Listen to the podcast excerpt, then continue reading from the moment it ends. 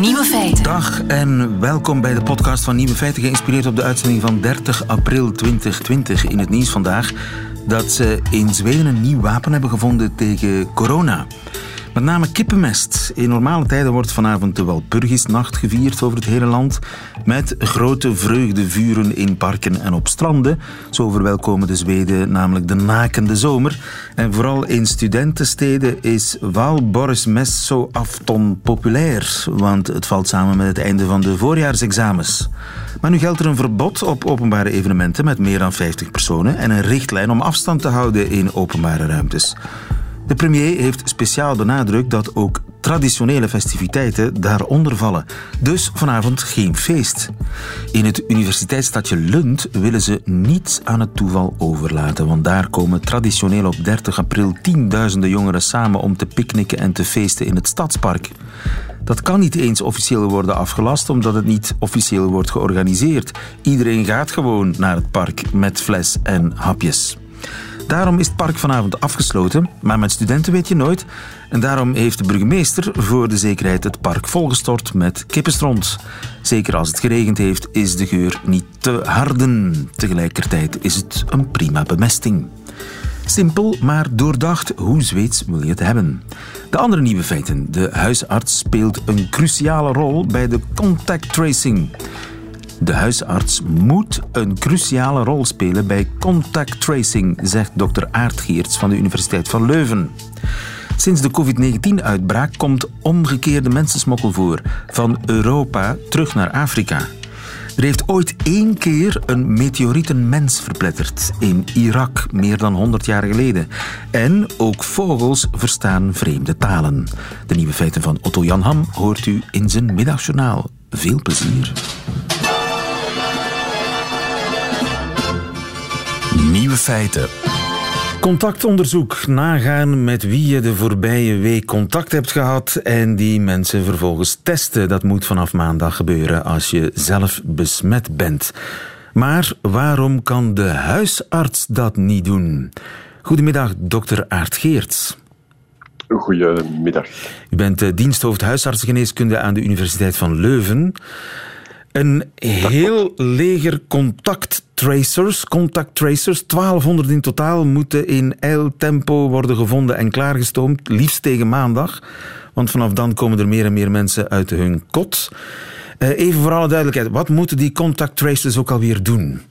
Ja, dat, ik denk dat dat heel belangrijk is om dat uh, even te vermelden. Uh, het is zo dat als je een epidemie hebt met een gevaarlijk virus of een bacterie, dan is het eigenlijk de bedoeling om dat zo snel mogelijk onder controle te blijven, onder controle te krijgen. En hoe doe je dat eigenlijk? Uh, je wil dan contact tracing is dan het in kaart brengen van mensen die in contact zijn geweest met een besmette persoon.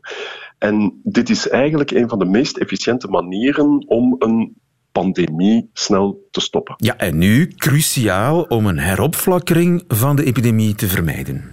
Dat klopt helemaal. Dus in ons geval, um, oké, okay, de COVID-19 coronavirus um, heeft toegeslagen, kunnen we niks meer aan veranderen. Maar als we inderdaad uit ons kot willen komen, dan moeten we ervoor zorgen dat we nieuwe gevallen zo snel mogelijk isoleren en er vooral ook voor zorgen dat die mensen die besmet uh, worden, dat die, al die contacten opgezocht, opgespoord worden en dat we al die mensen dan een stukje in quarantaine kunnen plaatsen of als ze zelf ook besmet, besmet zijn, ook thuis kunnen laten blijven. Ja, en dat moet zo snel mogelijk gebeuren, want elke seconde telt. Elke seconde kunnen er nieuwe besmettingen plaatsvinden door, stel ik ben positief getest, al de mensen waarmee ik de voorbije week contact heb gehad, die moeten worden opgespoord en getest. En liever nu dan uh, morgen. Want ja. ja. intussen kunnen al die contacten, mocht ik ze besmet hebben, weer andere mensen besmetten. En zo ontstaat er een sneeuwbal natuurlijk. Ja, nu laat ons even relativeren. Eén, elke seconde telt um, is niet zo uh, juist. Uh, elke dag telt. Um, twee, het blijft natuurlijk zo. Als wij gewoon goed blijven uh, onze handen ontsmetten, als wij wat afstand houden, dan is dit absoluut voldoende om een. ja, maar die mensen hebben natuurlijk ook een gezin, die wonen onder één dak. Dat is, dat daar is, is, natuurlijk ja. minder ja, daar is het afstand. absoluut dat klopt helemaal. En dat is dan ook de reden dat dat in de eerste plaats de mensen zijn die eventjes zullen moeten in hun kot terugblijven om dan uh, het mogelijk te maken dus als, we, als ze negatief getest worden. Snelheid is belangrijk, dat het gebeurt is uh, essentieel. Intussen hoor ik berichten dat men pas begonnen is met dat oprichten van dat leger. Gaat dat, dat leger contact tracers? Gaat dat lukken als die nog moeten worden gevonden, grotendeels en opgeleid? Ja, laat ons nu wel eerlijk zijn dat het aantal nieuwe gevallen niet zo dramatisch hoog is dat wij um, direct al die 1200 mensen gaan nodig hebben. Dus we gaan toch wel uh, toekomen met een heleboel minder mensen. En uh, vanuit de Vlaamse overheid wil men dit doen met een aantal mensen die daarvoor getraind zijn. Bijvoorbeeld Um, binnen het, de Vlaamse Vereniging tegen Tuberculose heeft men vroeger al heel wat ervaring gehad om een dergelijke um, tactiek toe te passen. Mensen die bijvoorbeeld TBC hadden, uh, werden dan ook uh, gecontacteerd en ook alle mensen die daarmee in contact kwamen. Maar... Dus er bestaan wel wat voorbeelden en het moet mogelijk zijn om op korte tijd um, toch wel voldoende, en het zullen er geen 1200 zijn, maar voldoende mensen te verzamelen om dit mogelijk te maken. Toch heeft u in een brief geschreven dat u eigenlijk de dokters daar meer zou willen in betrekken. Ja, wel, ik denk dat het cruciaal is hier de rol van de huisarts. Waarom is dit uh, cruciaal? Omdat je als huisarts de eerste bent die een zieke patiënt ziet. Wij zijn eigenlijk de specialist om te ontdekken of iemand met beginnende symptomen inderdaad de ziekte heeft, ja dan nee. Dat wil zeggen, die patiënt, niet vermoedende patiënt, uh, komt bij ons binnen. Wij gaan die als huisarts moeten testen of het gebeurt in een triagepost. En dan krijgen wij, en daar heeft de overheid een uh, mooie databank voor klaar vanaf 4 mei, dan worden wij verwittigd om uh, te weten of de patiënt al dan niet positief is. Als de patiënt positief is, dan zal het aan de huisarts zijn om die patiënt op te bellen. Om die patiënt op te bellen, dat is iemand die wij goed kennen, die ons ook vertrouwt, en hem te vragen welke contacten hij heeft gehad. Uh, op dit ogenblik zal dat alleen in zijn kotcontacten uh, zijn. Maar er is natuurlijk niet uitgesloten dat deze man of vrouw toch uh, ergens anders binnen geweest is. En dan is het ook belangrijk dat uh, die getroffen persoon toch wel laat weten: Goh, eigenlijk had het niet gemogen, maar ik ben ook daar en daar binnen geweest. dus dan, dan is de dokter eigenlijk al aan het contact tracen. Juist. En het um, erop wijzen aan deze patiënt uh, dat hij zo goed als mogelijk al zijn contacten in een, op een vertrouwelijke manier kan uh, in kaart brengen, dat maakt dat de patiënten dat veel beter zullen doen. En dan zullen we de, um, die contact tracers kunnen inzetten. Mensen die dan bellen naar uh, die verschillende contacten om hun erop te wijzen om zo snel mogelijk hun huisarts te contacteren. Aha, dus u wijst er eigenlijk op dat er intens moet worden samengewerkt met die contact tracers. Dat eigenlijk de eerste fase van dat contact tracer best door de huisarts zelf wordt gedaan. Uh, absoluut. Ah ja, de huisarts zal bellen met die patiënt om te zeggen of hij positief is of niet. En dan zal de huisarts eigenlijk zich moeten kunnen wenden tot ja, een van die contact tracers. En wat heel goed is, Vlaanderen heeft ervoor gezorgd dat er vanaf 1 juli of, uh, ja, functioneel 60 eerste lijnszones zullen bestaan. En als we voor elk van die zones, waar ook al die huisartsenkringen onder uh, vallen, een contact tracer als contactpunt hebben, dan weten wij, oké, als huisarts, ik kan die persoon bellen en die gaat mij helpen om die verschillende contacten op te zoeken. Ja, en mocht nu dat een beetje stroef verlopen, want ja, het, het is allemaal nog nieuw, ook voor die contact tracers zelf, eh, voor veel van hen, niet voor allen natuurlijk. Als dan zou blijken dat die arts uh, daar een beetje moeilijk mee samenwerkt, of dat, of dat dat minder vlot verloopt, kan die arts dan niet zelf in de plaats van die contact tracers de contacten uh, gaan benaderen als ik besmet zou zijn, om hen te zeggen van kijk, ik ben arts, uh, u bent in contact geweest met. Dat schept toch meer vertrouwen dan een, ja, een, een meneer of een mevrouw ergens van, van op een groot bureau? Ja, dat, ehm, dat, is zeker waar. Dus als er iets verkeerd gaat, dan zal de huisarts zelf zijn verantwoordelijkheid moeten opnemen of de praktijk waarin die huisarts uh, werkt. Zal er dus daar uh, de mensen moeten gecontacteerd worden. Um, en dat zullen we dus ook goed moeten bewaken binnen de verschillende huisartsenkringen. Maar niettemin geloof ik wel dat als er een goede samenwerking is tussen die mensen die daar speciaal voor opgeleid zijn binnen die eerste lijnzones en die huisarts, dat we dan um, komen tot een zeer performant systeem. Juist. Want het belangrijke zal zijn dat nu zijn we daar allemaal uh, open voor en zijn we ons bewust van de gevaren. Maar als er een tweede golf gaat komen, uh, zoals men voorspeld in oktober, november, dan zal het die ene huisarts zijn die zal moeten zeggen van oeps, is dit geen COVID-19 geval? Ik bel mijn verantwoordelijke van mijn eerste lijnzone en die gaat dan alles in het werk stellen om die verschillende patiënten opnieuw te uh, contacteren. Met andere woorden, de huisarts zal in dit geval cruciaal zijn om ervoor te zorgen, één, dat we nu uit ons kot kunnen en om ervoor te zorgen dat we uit ons kot zullen blijven kunnen komen. Dankjewel, dokter Aart Geerts. Goedemiddag. Graag gedaan. Tot ziens.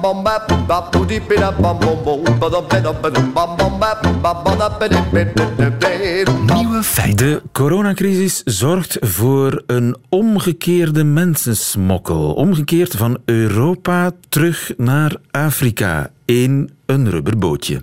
Arjen Leerkens, goedemiddag. Goedemiddag. U bent hoogleraar migratie aan de Universiteit van Maastricht.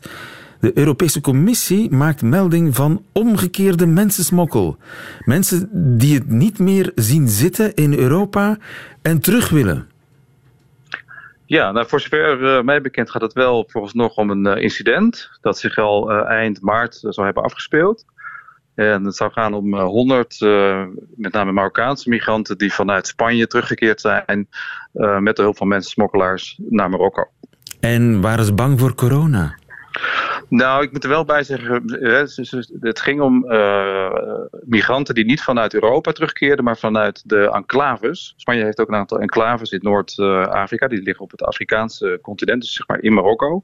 Het zijn uh, Ceuta en Melilla, en van daaruit, Melilla, en van daaruit zouden ze zijn teruggekeerd. Oh ja, dus ze waren eigenlijk niet bang voor corona. Nee, dat, dat lijkt me niet heel uh, aannemelijk. Want zeg maar, er, was, er waren ook niet heel veel besmettingen daar. Het was wel zo dat, zeg maar, dat, de, hè, dat Marokko de grenzen dichtgegooid had. Hè, dus het was uh, moeilijk voor mensen om terug te keren. En er zijn eigenlijk twee verhalen. Zeg maar. Het kan zijn dat het deels gaat om uh, een soort van dagarbeiders. Er zijn ook mensen, bijvoorbeeld huishoudelijke hulpen, die in die enclaves werken. En dan vervolgens weer teruggaan elke dag naar Marokko. En dat die als het ware vast kwamen te zitten. Maar het is een beetje een gek verhaal. Want als ik het goed begrijp, dan zijn die smokkelaars helemaal naar een plaatsje Lares gegaan. Dat ligt ergens tussen uh, iets ten noorden van Rabat. Dat is 200 kilometer verderop. Dus dat lijkt me ook weer onwaarschijnlijk dat het echt die dagwerkers waren. Dus het lijkt me dan logischer dat het misschien irreguliere migranten waren. Dus zeg maar mensen die op weg waren om naar Europa te komen. Dus echt naar het, het, het Europees vasteland. Uh, zonder papieren. En dat die daar gedacht hebben van nou dit gaat niet lukken. Ook gezien de, ja, de ontwikkeling in Europa. Alles op slot. Uh, weinig kansen om werk te vinden. En dat zij gedacht hebben ik ga terug. Ja, maar dat mocht eigenlijk niet. Want Marokko sloot zijn grenzen. Ja, dat klopt. Dat mocht uh, inderdaad eigenlijk niet. En misschien dat zij, ja, het was natuurlijk ook onduidelijk hoe lang dat zou duren.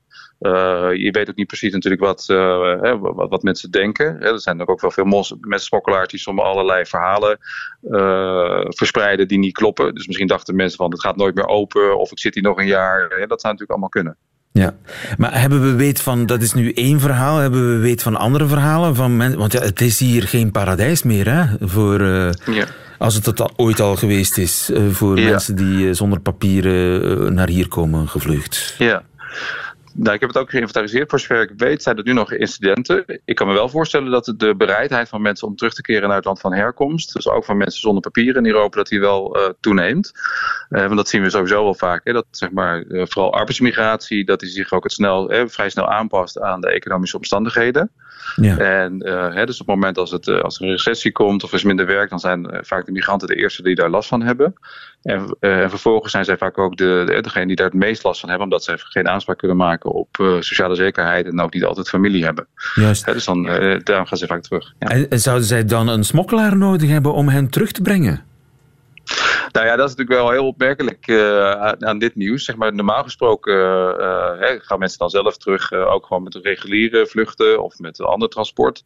En dan wordt er ook niet zo, met uitreizen wordt er meestal ook minder moeilijk gedaan. Er is ook ondersteuning bij terugkeer. Dan krijgen mensen misschien eerder weer geld mee voor terugkeer dan dat ze er voor moeten betalen, zeg maar.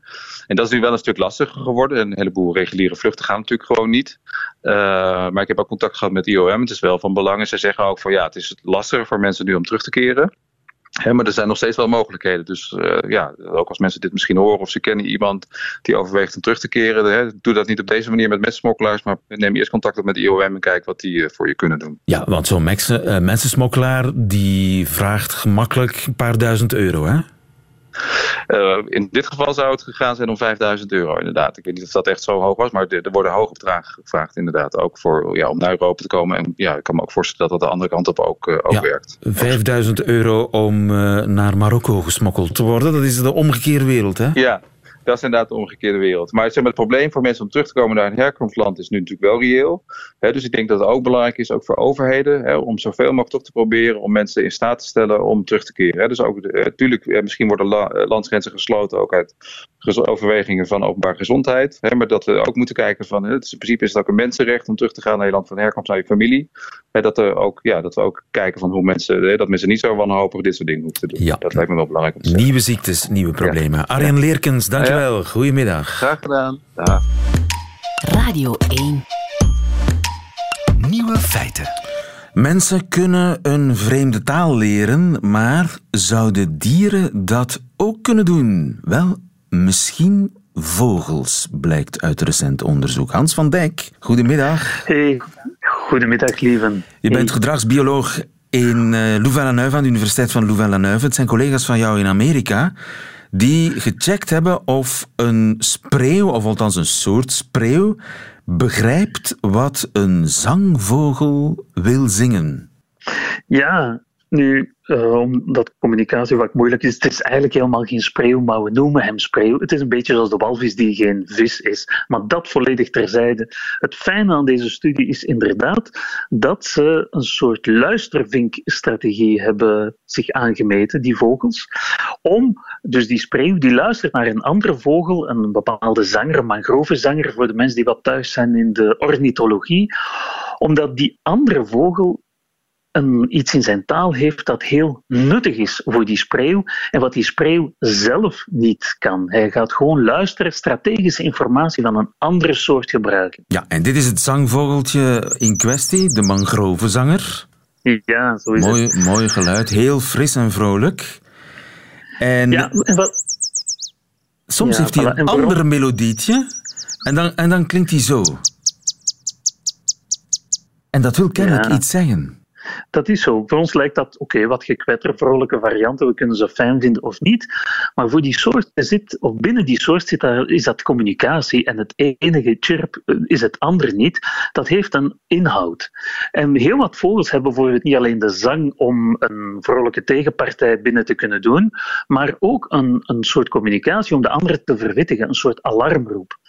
Bovendien zien we bij heel wat vogels dat ze niet één alarmroep hebben van alarm, maar dat ze een soort specifieke variant hebben voor die alarmroep om te zeggen van kijk, er is een, pas op een slang, kijk dus naar beneden, of pas op een roofvogel, kijk naar boven.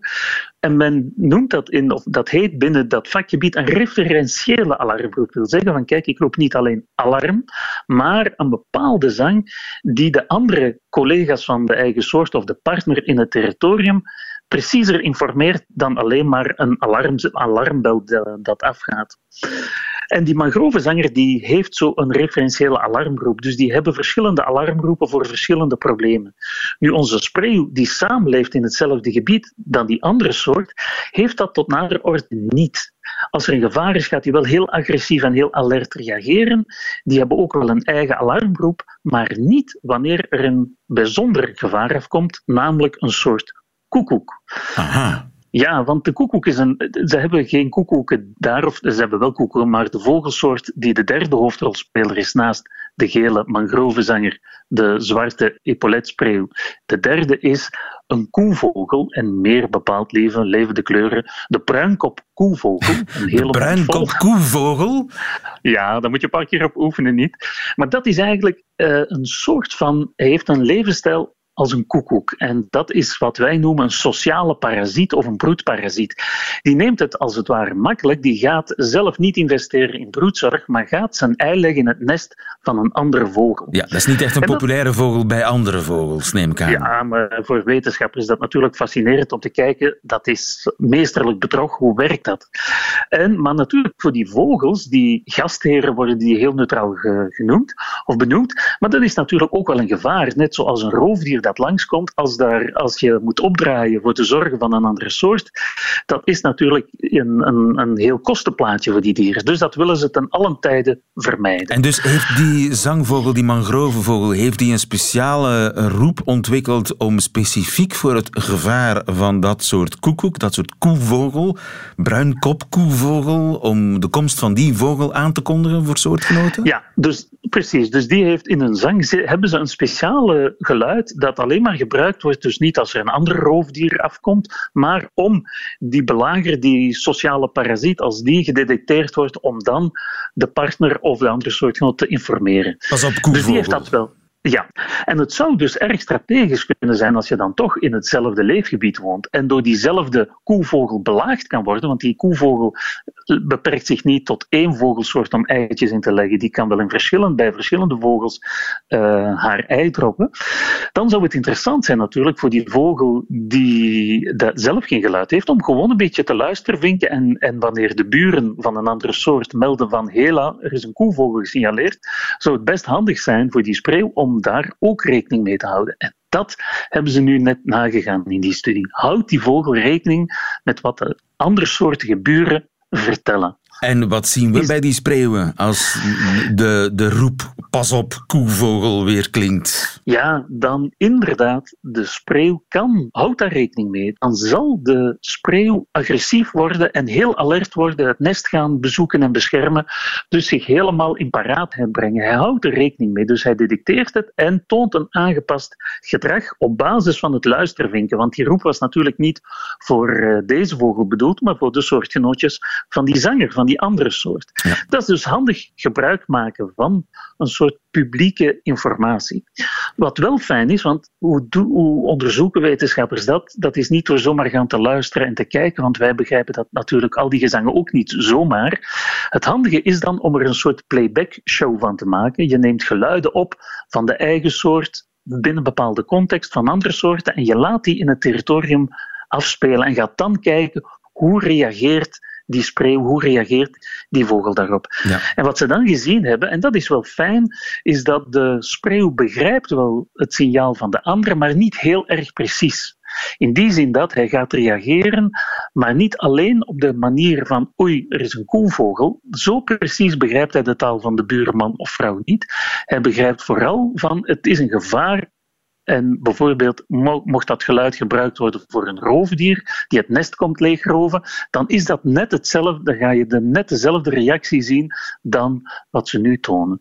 Dus het is een soort veralgemeende respons, laten we zeggen van hij begrijpt dat er een probleem is, de details ontgaan hem, maar voldoende om alert te zijn en gepast te reageren, wat de overleving of het broedsucces in deze toch ten goede komt. Ja, maar dat dieren elkaars alarmroep uh, begrijpen lijkt mij niet zo nieuw.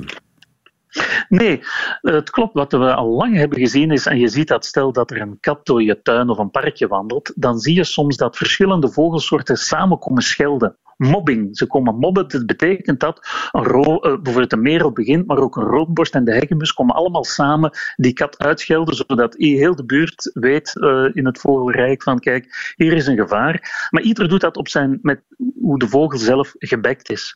Het nieuwe aan deze studie is dat het ook gebeurt Um, om zich te wapenen tegen broedparasieten. Dus dat het gebeurt tegen nestrovers, um, dat wisten we al langer. En dat, dat blijft nog heel fraai, want dat wisten we al langer.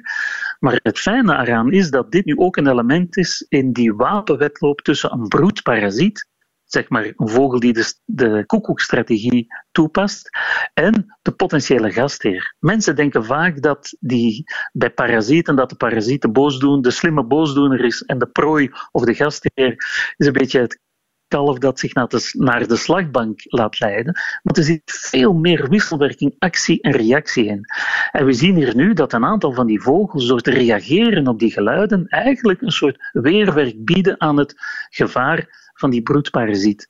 Wat ons leert dat het eigenlijk toch ook niet zo makkelijk is om die koekoekstrategie, het lijkt lekker lui een ei in een andermans nest te droppen en klaar is Kees zo simpel is het zelden in de natuur. Er zit er weer heel wat communicatieve complexiteit bij, die anderen ook weer kunnen gebruiken om ja, een hak terug te zetten. Actie en reactie. Actie en reactie en afluisteren kan soms lonen. Dankjewel Hans van Dijk. Goedemiddag. Graag gedaan.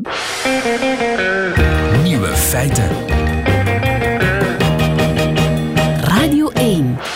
Zijn er wel eens mensen door een meteoriet verpletterd? Daar bestaan ontelbare verhalen over en mythes, al van in de oudheid, maar die hebben we eigenlijk allemaal van horen zeggen. Maar vandaag is voor het eerst het onomstotelijke bewijs geleverd dat het wel degelijk kan. Een steen uit de ruimte op je kop krijgen. Philippe Mollet, goedemiddag. Goedemiddag. Je bent uh, van Mira. Er heeft een man een meteoriet op zijn kop gekregen. Daar zijn onderzoekers nu zeker van. Wie is de pechvogel in kwestie? En zo zeker zou ik dat nog niet noemen, want de steen in kwestie is nog niet teruggevonden. Maar um, de naam van de kerel is eigenlijk zelfs nog niet bekendgemaakt. Maar het zou gebeurd zijn in 1888. Um, ehm, en dat is nu pas in de, de, de oude archieven teruggevonden. Um, archieven dan van wat toen nog het Ottomaanse Rijk was. We spreken nog van lang voor Atatürk. En dat verklaart ook waarom het zo lang geduurd heeft. Dat is, dat is uh, redelijk moeilijk leesbaar, dat is uh, ver weggestopt in die archieven. Ja, en dat is ergens in het Midden-Oosten gebeurd in 1888. Dat is het enige gedocumenteerde slachtoffer. Zijn er ooit gewonden gevallen? Ja, in de recente tijden, zal ik maar zeggen. Dus dan maakt het allemaal een beetje al betrouwbaarder. En, en de bekendste foto, eh, als je een beetje op eh, internet gaat zoeken, ga je die altijd tegenkomen, is in 1954, als ik me niet vergis, in Alabama, het zuiden van de Verenigde Staten, is er een dame Um, ja, die heeft een schampschot opgelopen, ik zal het uh, zo noemen. Um, dat weten we met zekerheid. En er zijn ook weer een heleboel anekdotische verhalen over. Trouwens, zelfs heel dicht bij huis.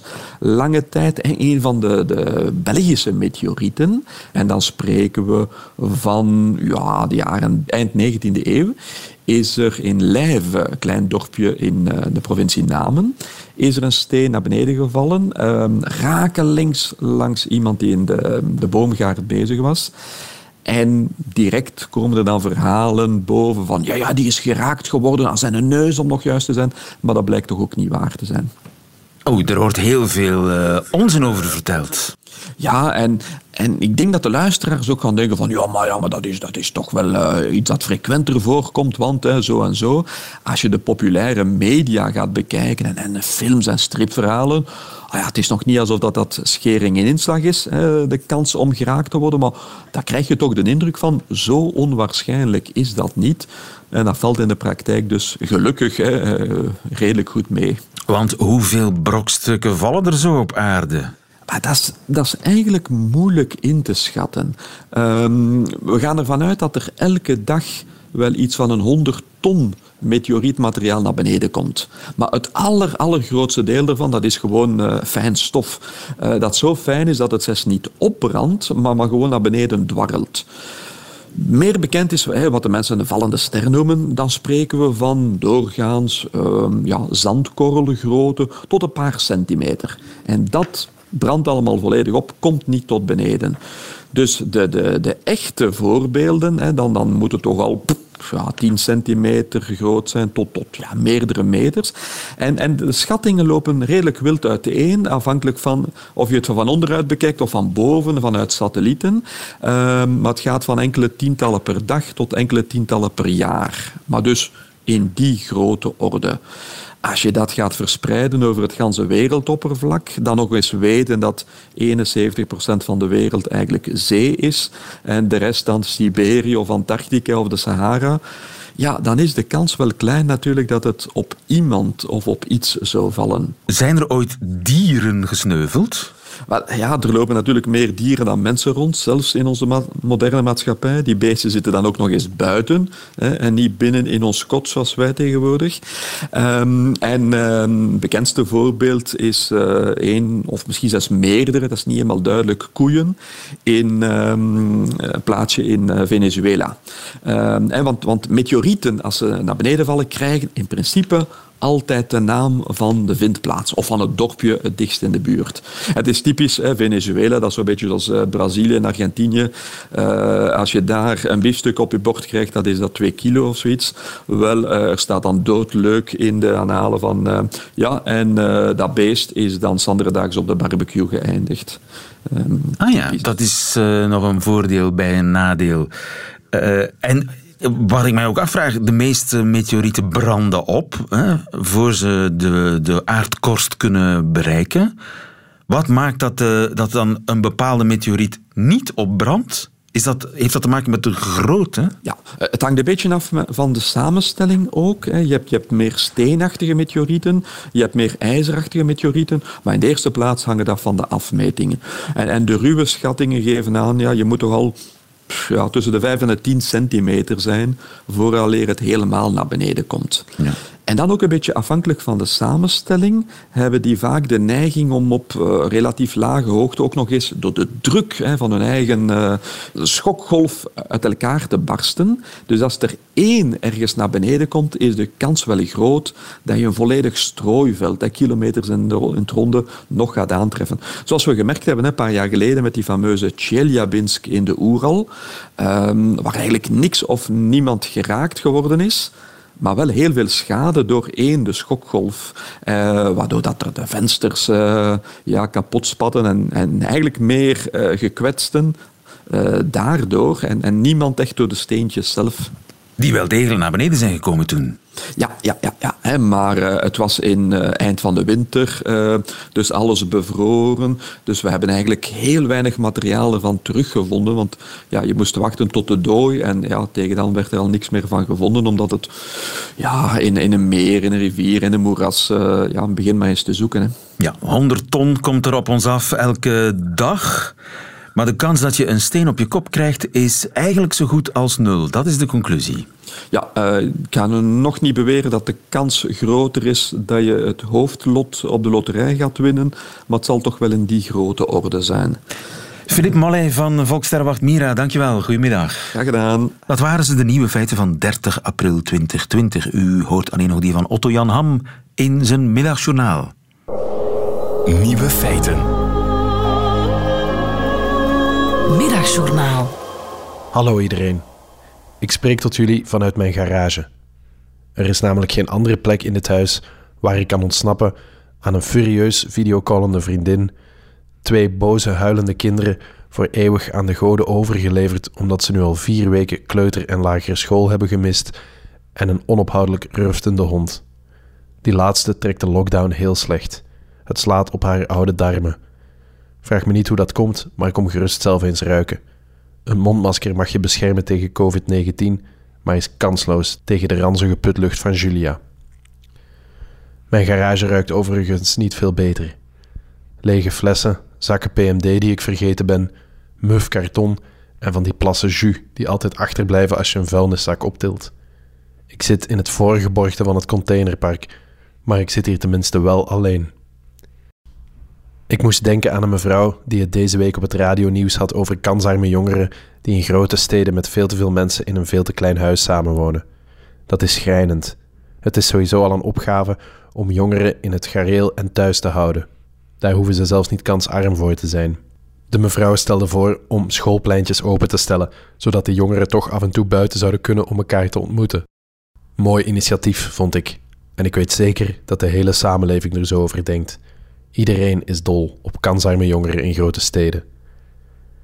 Ik weet dat we in ons kot moeten blijven, maar af en toe buiten komen is toch best lekker. Vorige week heb ik voor het eerst eens kunnen luchten. Dat was voor de Container Cup, een nieuw programma van mijn werkgever Woestijnvis. In dit lockdown-vriendelijke format nemen elke dag twee topsporters het tegen elkaar op in een goed ontsmette container. Buiten de topsporters doen er ook een handjevol BV's mee. Kwestie van de uitzonderlijke prestaties van de sporters nog wat meer in de verf te zetten.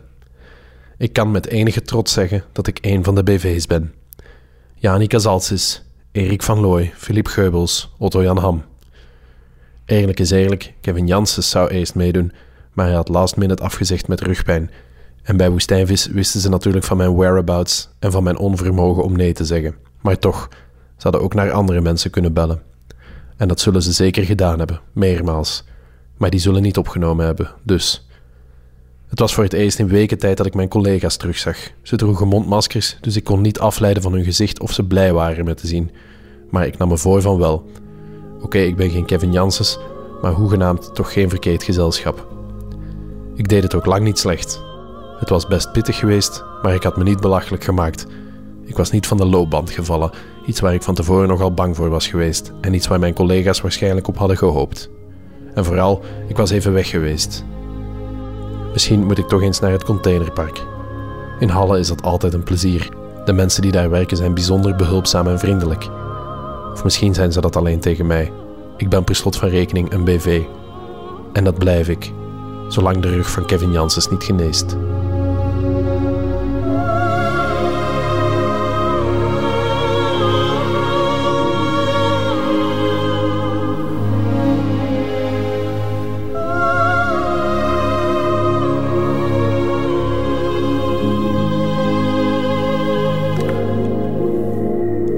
Otto Jan Ham in het middagjournaal van Nieuwe Feiten. Einde van deze podcast. Hoort u liever de volledige uitzending met de muziek erbij? Dat kan natuurlijk ook via onze app of onze site.